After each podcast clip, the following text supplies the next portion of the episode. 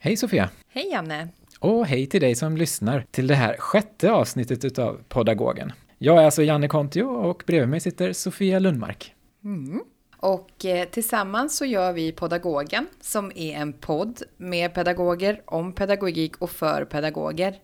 Det här gör vi i samarbete med Skolporten och vi gör den här podden för att sprida färska forskningsresultat i ämnet pedagogik eller i närliggande forskningsområden, framförallt till pedagoger. Målet är att eh, podden ska utgöra en brygga mellan akademin och pedagoger ute i landet. Och i den här poddserien så intervjuar vi forskare som har skrivit avhandlingar i eh, ett ämne som vi tycker borde få mer ljus på sig. Det kan vara olika ämnen, har varit olika ämnen i de här första fem avsnitten som ni har lyssnat på hittills kanske, eller som ni kan lyssna på hittills. Och eh, vi försöker sprida våra ämnesområden så att det behandlar olika områden som rör just eh, pedagogik på olika sätt. Och eh, vår förhoppning är att podden ska ha en stor bredd både vad det gäller innehåll och vilka ämnen vi tar upp men också en spridning i landet. Och dagens ämne, Janne? Ja, dagens ämne är ju ett sånt ämne som vi tycker borde få lite mer ljus på sig. Eh, det är en avhandling som heter Delaktighet och digitala resurser, barns multimodala uttryck för delaktighet i förskolan i flerspråkiga områden. Och det är Petra Petersen som har skrivit den här avhandlingen. Och den handlar alltså om förskolebarn och deras möten med digitala resurser i förskolan och i särskilt då i flerspråkiga områden.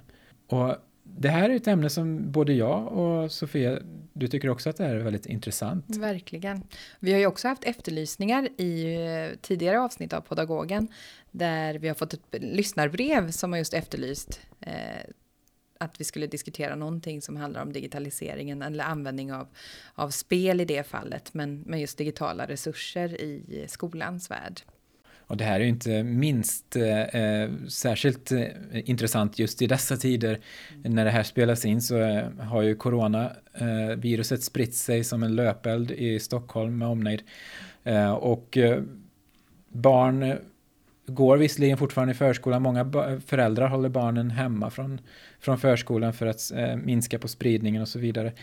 och det många föräldrar pratar om också är ju det här men hur, ska, hur ska vi hantera det här med digitaliseringen och barns eh, behov eller möte, av, möte med digitala resurser som iPads och, och olika applikationer och så. Mm. Diskussionen om skärmtid blev ju också icke-existerande nu i relation till coronatider och det det är ju också någonting som, som många föräldrar tänker jag funderar kring, även inte bara i relation till hur, vad deras barn gör i förskolan, utan också i relation till vad man gör i hemmet, tänker jag. Ja, och en av de här frågorna som vi ställer till eh, Petra Petersen som har skrivit en avhandling om, om detta, det är vad spelar egentligen paddor och datorer för roll för förskolan? Och någonting som blir särskilt intressant i relation till eh, paddor och eh, deras innehåll är också hur man utformar applikationer. Mm. Mm. Och hur det påverkar vad man faktiskt kan göra eller vilka möjligheter som finns. Så jag tänker att vi tar en eh, inblick i barns digitala världar genom Petra Petersen och hennes eh, avhandling. Och så här lät det när vi träffade henne. Hej Petra, vad roligt att vi får träffa dig.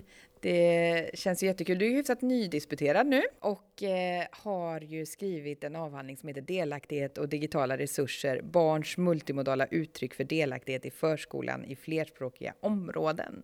Och jag tänkte vi börjar där med titeln. Varför, varför den här titeln? Kan du förklara den lite mer? Ja, jag vill ju verkligen lyfta fram barns delaktighet i relation till digitala resurser.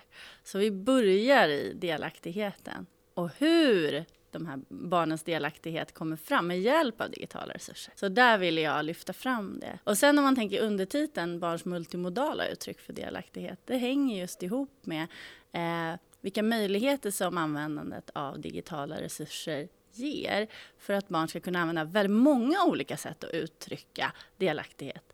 Därav multimodal, alltså inte bara genom verbalt språk eller verbalt majoritetsspråk, i det här fallet då svenska, utan flera språk i förskolan, flera sätt att kunna eh, utöva delaktighet i form av att rita, i form av att ta bilder och visa vad som faktiskt är ens eget intresse. Ja, Kul! Men varför, varför, just delaktighet? Jag tänker det kommer ju in två gånger i titeln och det är någonting som är viktigt i hela din avhandling. Jag tänker när vi har läst den så delaktighet är ju ett viktigt begrepp.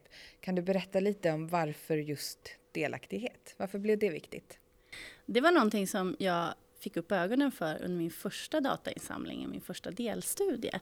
Det var en ganska stor studie, jag var ute på flera olika förskolor, många olika barngrupper med ganska öppna ögon. På den, då, under min första studie, så var jag, jag visste att jag var intresserad av digitala resurser, men inte än att jag var intresserad av delaktighet. Det var något som jag såg snarare i eh, den empiri eller det, eh, de interaktioner som barnen hade.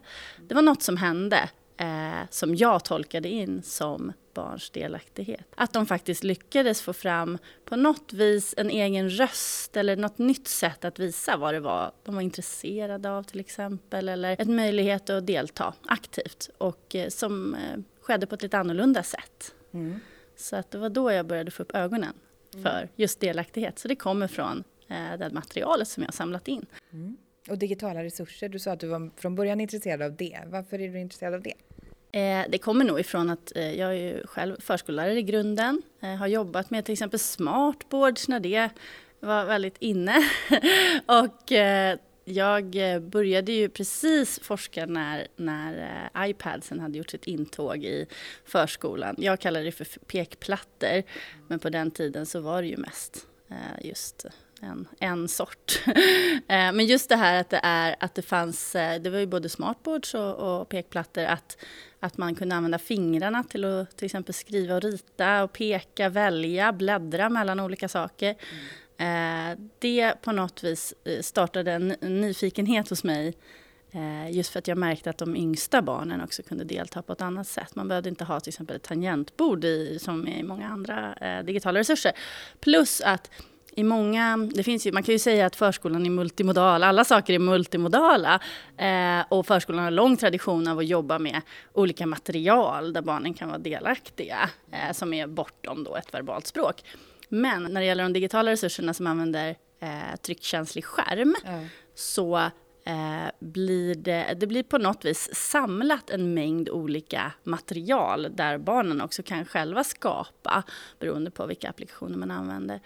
Eh, så på något vis så började jag åtminstone fundera på om det är någonting i det här som erbjuder någonting eh, som inte gick att erbjuda tidigare. Mm. Och där startade ju mycket av mina forskningsfrågor till senare studier. Men vad betyder paddor och datorer för barnen i förskolan? Inte bara barnen, men vad betyder det för förskolan? Jag tror att det är väldigt vanligt förekommande. Det har ju inte gjorts någon riktig rikstäckande studie på användandet av digitala resurser i förskolan. Det finns ju eh, småungar och medier som, eh, som har undersökt eh, användandet av olika former av digitala resurser, men det är ju hemmamiljön. Eh, och det eh, skulle jag efterfråga en sån studie, så jag kan inte säga riktigt med forskningsstöd hur vanligt det är exakt så. Eh, men det är ju åtminstone väldigt vanligt att barn använder framförallt pekplattor i förskolan. Mm. Det är den vanligaste förekommande digitala resursen just nu. Och jag tror att barnen har ju det här som en slags vardag. Och det skriver jag om i min avhandling också, att det här med en en postdigital era, så att det, man behöver inte dela upp det så nödvändigtvis i digitala resurser och andra resurser, utan det glider ihop och det, det, det är liksom vardag för väldigt många eh, i våran del av världen och våra sådär. Men det betyder ju inte att man inte behöver fundera på hur man använder de här resurserna. Och det är ju någonting som jag också vill lyfta fram i min avhandling, potentialen eh, i att använda digitala resurser för att skapa till exempel flerspråkiga aktiviteter som en form av delaktighet. Ja, för du tar upp i avhandlingen det här med vilka villkor, möjligheter och hinder som plattorna kan ha i, i förskolan, också i, i flerspråkiga miljöer. Kan du berätta lite om det? Vad har du hittat för någonting? Ja, alltså möjligheterna är ju framför allt där jag har undersökt eh, möjligheten att skapa flerspråkiga aktiviteter som en vardaglig förekommande. aktivitet. Alltså inte som modersmålsundervisning vid sidan om på så sätt. Mm. Utan någonting som man kan få in liksom i, i, existerande undervisning, i projekt, i, i skapande verksamhet, när man är ute, dokumentationsprocesser och så. Men någonting som jag också har sett om man tänker på nackdelar eller svårigheter är ju både att eh, pedagoger uttrycker att det är svårt att hitta applikationer på alla barnens språk. Man vill skapa flerspråkiga aktiviteter i vardagen. Men också att en hel del av de här applikationerna som, som finns tillgängliga på en marknad, det får vi också tänka att det här är en marknad. Det finns ju liksom inga tillverkade applikationer som ges ut av Skolverket eller någonting, utan det här är ju sånt som är, finns på en öppen marknad. Så det är ju på så sätt lite begränsat, även om det finns väldigt många applikationer. Men frågan är hur många det finns som faktiskt passar förskolan. Och där lyfter jag fram just det här att många, många applikationer verkar vara designade för att användas av ett barn i taget. Eh, både på grund av vad jag då skriver som multitouch-funktionen, alltså att man kan röra vid, vid skärmen på flera punkter samtidigt får en betydelse beroende på hur det är designat. För att är det designat att för ett barn i taget till exempel har jag lyft fram i min avhandling att när man ska bläddra mellan bilder eh, under en, till exempel en dokumentationsprocess, om, man har tagit, om barnen har tagit bilder med hjälp av pekplattan och sen ska, vill, vill de välja och plocka fram vissa bilder och kanske reflektera kring. Om man gör det två samtidigt och trycker, då kan man inte välja två bilder samtidigt utan då förstorar man eller förminskar man den här bilden istället. Och då kanske inte riktigt det blir funktionellt för barnen eh, i det här fallet. Och där kan man tänka att designen då bygger på att det är en i taget som använder. Det är liksom inte riktigt eh, designat för förskoleanvändning kanske. Eh, det, jag uttalar mig ju inte om varför och hur det är designat, liksom hur designerna har tänkt. Utan jag, tänker, jag tittar ju på interaktionen med de här applikationerna, hur de faktiskt används av barn och pedagoger. Eh, och det är det som också blir intressant, för det är, det är så det ser ut ute på förskolor och, och, och det måste man ju då undersöka, tänker jag.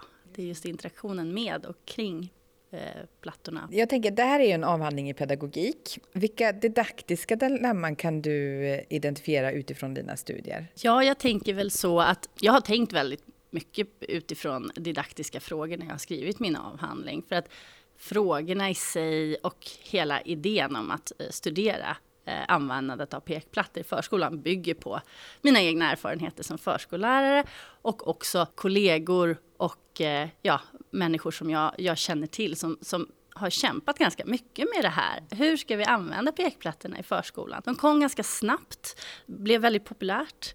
Eh, det, det, jag upplevde i alla fall eh, ett, ett, någon slags kamp mellan eh, diskussion om skärmtid och risk risker kring användandet av digitala resurser med alla de här möjligheterna som diskuterades på forum på nätet, på olika konferenser och i lärarrum och sådär. Så det var någon slags möte mellan de här sakerna eh, som eh, födde min, mitt intresse åtminstone. Och därför så tänker jag att eh, förskollärare och alla pedagoger eh, kan behöva liksom, forskningsresultat att basera sina, sina val på. Mm. Det finns inte så jättemycket, nu har det börjat komma, men det finns inte jättemycket. Eh, och eh, just det här att eh, behovet av att vara varsam när man väljer vilka applikationer som man erbjuder barnen till exempel. Och, och lite guidning och stöttning i det, vad som finns, vad det kan tänkas erbjuda. Självklart är det ju upp, beroende på varje barngrupp. Och där litar jag verkligen på pedagogernas egna kompetens att välja. Men det kan också vara skönt att, att läsa och få lite mer bakgrund och ha lite mer att stå på och lite mer i ryggen när man står som pedagog och ska välja. Om man vill se det som läromedel, om man vill se det som pedagogiska verktyg eller leksaker eller skapande av pedagogiska miljöer det är ju upp till varje pedagog. Men jag tänker att man ska se det i samma linje och inte lämna över pedagogrollen till applikationstillverkarna. Nej, men för där blir ju din avhandling också särskilt viktig tänker jag. Att den blir ju ett stort bidrag i hur man ska kunna göra de här valen också. Nu, nu tänker jag, nu har du redan svarat på det här, men att eh, du berättar ju lite grann om det här med applikationerna, om hur deras innehåll och utformning, hur det påverkar och har en ganska stor roll för undervisningen. Men kan du berätta lite mer om det? Finns det har du sett några brister när det gäller, förutom det här med multitouch-funktioner och så, men har du sett några andra brister när det kommer till att anpassa applikationer till flerspråkiga barn? Ja, alltså för det första så de pedagoger, jag har ju tittat på både barns interaktion men också gjort fokusgrupper med några pedagoger. Och de lyfter fram just det här att det är svårt att hitta applikationer som innehåller eh, liksom en mängd olika språk. Eh, nu har det börjat komma någon, någon eller några till, eh, så det är bra, men, men det är ändå väldigt svårt fortfarande att hitta. Så att just det här att kanske ha en applikation som går att byta till väldigt många olika språk, det, det är väldigt svårt att hitta finns kanske någon. Och där måste man ju då byta och välja och veta var man ska hitta alla de här applikationerna. Och leta bland det utbud som finns. Och det är inte alltid så himla lätt att hitta då heller. Eh, även för mig som forskare är det svårt att hitta. Så det är ju ett problem så att säga att få den här likvärdigheten att faktiskt erbjuda samma applikation på väldigt många olika språk. Men det andra är ju att eh, eh som jag har lyft fram lite grann också, att även fast det finns flera språk inom en applikation så, kan, eh, så är det ofta att man måste byta. Alltså det, det är liksom inte så att det är helt intuitivt självklart att var man hittar varje språk. Det kan också ibland vara så att man måste gå in på inställningar alltså i, gå ut ur applikationen, in i inställningar i, och för att byta där. Det är ganska omständigt, lite svårt. Är man inte helt insatt så vet man kanske inte riktigt hur man gör det heller. Och det kan vara knepigt och barnen kanske inte kan göra det på egen hand och så, vilket är knepigt. Så det blir ju en svårighet på så sätt. En annan sak som jag lyfter fram som ju inte är en svårighet men kanske en utmaning, det är ju att tänka på eh, applikationer som kanske inte har färdigt flerspråkigt innehåll, men där man skapar innehållet själv. Och det kan ju vara öppet både för eh, att skapa eget verbalt innehåll, där man spelar in till exempel. Eh, men det kan också vara så att man bygger kommunikationen på andra sätt än just verbalt språk. Och det är ju någonting som jag för att komma tillbaka till det här med multimodal kommunikation, så är det ju också ett sätt att jobba med alla barns delaktighet, alla barns möjlighet att delta på sina egna villkor. För då går man bortom det verbala majoritetsspråket. Då, så. så det är också ett sätt att tänka. Och det kan vara lite, lite utmaning också tror jag, att tänka på eh, användandet av digitala resurser på det sättet. Mm. Att, det, eh, att en del applikationer som man redan använder, det finns en hel del sådana man ritar, berättar, spelar in. Eh, men att tänka liksom steget till att okej, okay, men det här kan man ju faktiskt göra på flera språk. Eller vi kan fråga föräldrarna om de kan berätta in en saga här till en bild. Eller man kan använda det här till barnens egna reflekterande kring pedagogisk dokumentation. Mm. Liksom, de här stegen, det, det, krävs lite, lite tanke bakom det.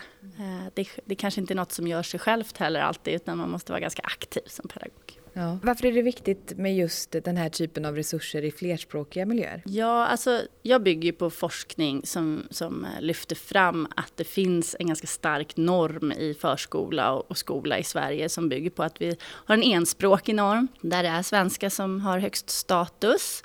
Eh, jag säger inte att det alltid är så, att det alltid behöver vara så. Men det finns eh, ganska många studier som visar på att det finns en sån, en sån riktning i Sverige. Och jag tänker väl att det är någonting som går att förändra. Och det handlar inte om att man ska eh, ha eh, liksom ren språkundervisning eller så, utan det handlar om alla barns rätt att delta aktivt med hjälp av sina egna kompetenser. Att alla barns förutsättningar och eh, kompetenser är lika mycket värda. Det är det som jag tänker är delaktighet och det är inte bara utifrån pedagogens synvinkel, utan det handlar om att skapa en miljö där barnen själva får en möjlighet att värdera varandras kompetenser lika högt. Så det, visst, det handlar ju om att förändra eh, normer på så sätt i, rent i en diskussionsaspekt. Liksom, Men eh, för barn som, som har eh, andra språkliga kompetenser än just majoritetsspråket svenska så kanske inte det, eh, det kanske inte värderas riktigt lika högt som det som vi vill att det ska göra, som vi säger att det ska göra i alla styrdokument och lagstiftning gällande barns språk, så, så säger det ju att, att, det ska, eh, att man ska se till att barnen får utveckla sina modersmål och sina minoritetsspråk. Men hur gör man det rent praktiskt? Det är en utmaning. Och där tänker jag just att de digitala resurserna kan komma in och hjälpa till att överkomma de här svårigheterna. Mm. Vilka är de viktigaste bidragen med avhandlingen? Det är eh, nya sätt att se på eh, eller förstå barns uttryck för delaktighet. Alltså att inkludera många olika sätt att uttrycka delaktighet bortom då ett verbalt majoritetsspråk. Alltså bortom att man bara pratar med munnen, svenskt språk. Utan att titta på de här andra sätten. Det kan handla om många olika verbala språk.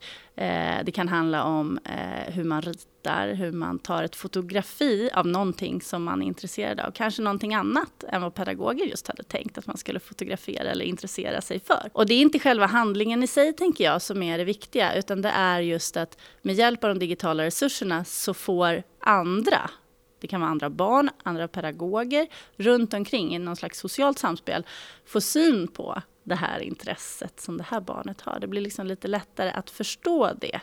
Eh, så jag tänker att det blir ett, en form för, som öppnar upp för många olika former av kommunikation. Och det tänker jag är en del av delaktighet, att liksom förstå varandra i ett socialt sammanhang. Eh, och att eh, få komma fram med alla sina, sina sätt att kommunicera. Mm. Om, om, man nu läser din avhandling, är det någonting som vi har missat att prata om som du vill att en läsare av avhandlingen ska få med sig? Ja, någonting som jag har tänkt på, nu har vi pratat om flerspråkighet och så, men minoritetsspråk är ju en av mina delstudier mm. eh, där jag har eh, riktat in det, eller projektet handlar specifikt om minoritetsspråk och det är ju då de, de fem nationella minoritetsspråken. Och min erfarenhet när jag pratar om sådana här saker är att det finns ganska lite kunskap om eh, våra fem nationella minoritetsspråk i Sverige som ju faktiskt lagstiftningen har stärkts lite grann alldeles nyligen och man har gjort förändrade skrivningar i läroplanen för förskolan också som faktiskt lyfter fram ytterligare eh, barn som, som eh, eh tillhör minoritetsgrupperna eh, har ytterligare rättigheter att faktiskt få utveckla sina minoritetsspråk och sin kulturella identitet. Och det är ju någonting som förskola och skola och hela samhället måste värna om. Eh, och kanske, där handlar det kanske om kunskap eh, men också om liksom, praktiska användningsområden. Där tänker jag att ja, även här kan man faktiskt lyckas med det här, kanske inte hela vägen överallt men liksom det är ett sätt att börja. För att de nationella minoritetsspråken kanske man kanske inte har någon som pratar dem på, på avdelningen. Man kanske har ett barn eller inga alls. Men det handlar om att, att det här är någonting som tillhör vår liksom, kunskapsbank på ett sätt. Vår, hela våra kultur... Eller så, ja, man kan inte prata om en kultur, men, men ändå. Eh, så att oavsett egentligen, tänker jag, om man har ett barn eller, eller flera, men kanske inga pedagoger som pratar de här språken, så kan de digitala resurserna vara en hjälp och faktiskt skapa aktiviteter där man kan lyssna på en saga på samiska till exempel. Sen finns det olika dialekter också, så där är det ytterligare. Men det finns, det finns ju väldigt mycket information på mm, till exempel, om jag får tipsa om en liten hemsida, ja, minoritet.se Eh, Eh, det är Sametinget som, som ehm, har samlat in information om samtliga fem minoritetsspråk i Sverige, där man kan få mer kunskap. Men jag tänker att min avhandling kan vara just sådana, liksom ge praktiska råd om hur man kan eh, få in de här i vardagen, även om man inte kan språken själv. Om man nu är en ovan läsare av avhandlingar och så vill ha fler sådana här tips av vad man ska läsa i din avhandling, vilka delar tycker du att man behöver, eller man borde börja med att eh, botanisera i? Jag tänker att eh, jag har ju fyra stycken delstudier, där är resultatsdelen. Och jag har ju gjort så att min videodata har ju jag transkriberat till, till seriestilstranskriptioner. Eh, eh så att det är som en man kan tänka att eh, man kan, det är bilder och det är vad, vad, barnen och pedagogerna säger och lite vad som händer. Så de kan man titta på och liksom få en inblick ganska snabbt tror jag, även om man inte är så van vid att läsa avhandlingar. Och eh,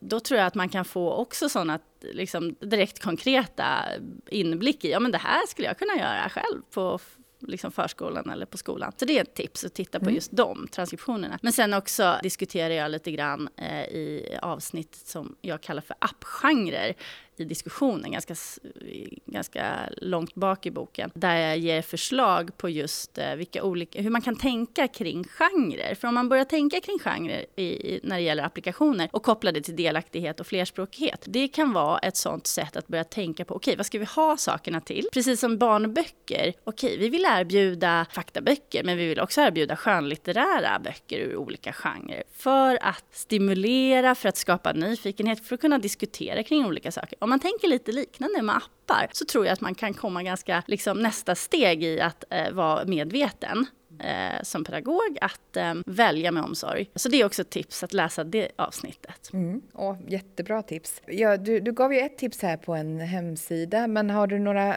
lästips eller några andra sådana här tips som du vill dela med dig av? Eh, ja, om jag får göra lite reklam för mig själv. Gärna. det är okej?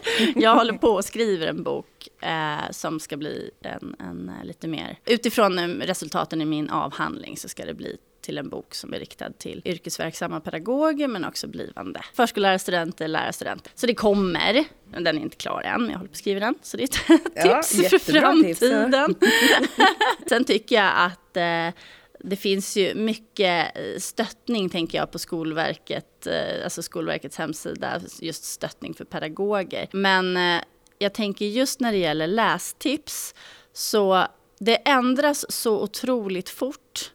Så att några konkreta, så här, jag, jag har själv funderat på om man ska lägga upp listor på applikationer på olika språk och sådär. Jag har ju liksom för min eget bruk och för min liksom undervisning och så. Men det blir, alltså det räcker med att det har gått två veckor och så är den inaktuell. Så att annars skulle jag gärna tipsa om det liksom, och lägga ut sådana saker. Men, men det blir liksom så fort inaktuellt. Någonting som jag tänker är väldigt användbart som inte blir inaktuellt lika fort, det är UR skola.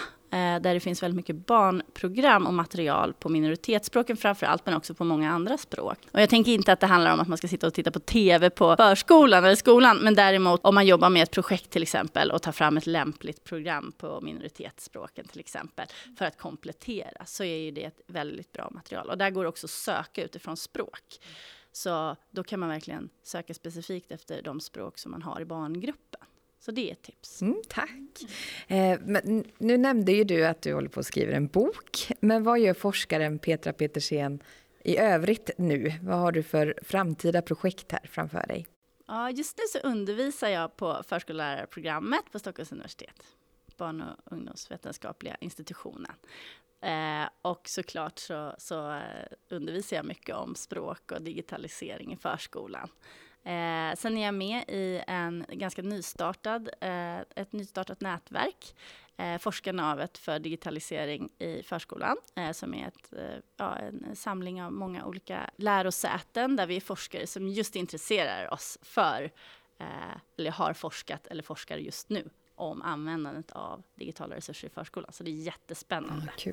Ah. Eh, men annars så, mina liksom, framtidsplaner eh, ligger i att jag skulle vilja fortsätta att eh, eh, nu, nu, har det getts lite nya tekniska lösningar på till exempel det här som jag pratade om tidigare med skärminspelning av pekplattor. Nu går det att göra inuti pekplattorna. Det gick inte när jag gjorde min datainsats, det är ganska nytt. Jag skulle vilja fortsätta på så sätt eh, och eh, eh, jag är lite nyfiken på Eh, jag har hört talas om några projekt som har startat där man jobbar med kombinationen programmering, eh, tangible programming, alltså med, liksom med handfast programmering och minoritetsspråk. Så det är jag jättenyfiken på. Roligt, det låter ja, jättekul. Ja. Vi vill tacka dig Petra för att du ville vara med och eh, det var jätteroligt att prata med dig om din avhandling och dina erfarenheter. Tack! Tack så mycket! Vad spännande det var att lyssna på den här intervjun, Sofia. Eller hur? Ja, det var det verkligen. Vad tycker du var mest intressant att ta med sig från den här intervjun? Jag tycker ju att Petra sa väldigt många saker som känns jättespännande, men jag tycker en sak som vi var inne på lite i samtalet, det var just det här med att hennes avhandling diskuterar hur applikationer är utformade och hur det påverkar undervisningen. Och att det också påverkar möjligheterna för barnen, både gällande deltagande, kommunikation och eh, vilka olika typer av möjligheter de har i, i användningen av plattorna. Det tycker jag är jättespännande eftersom att jag också ju då arbetar med det här med design av den här typen av tjänster. Ja, det är ju många möjligheter med det. Jag tänker också att det måste ju vara en väldigt stor utmaning för pedagogerna då att eh, kunna sovra och sålla i det här och, och hitta appar som fungerar särskilt bra. Verkligen, och det tänker jag märks särskilt med tanke på att Petra ofta får den frågan. Att vilka appar ska man använda, vilka är bäst och sådär. Eh, och eh, hon menar ju på att det är en fråga som är jättesvår att svara på eftersom att de blir daterade väldigt, väldigt snabbt. Så att hon egentligen inte kan svara på det för veckan efter eller månaden efter så är det någon annan app som eh, fyller de funktionerna. Mm.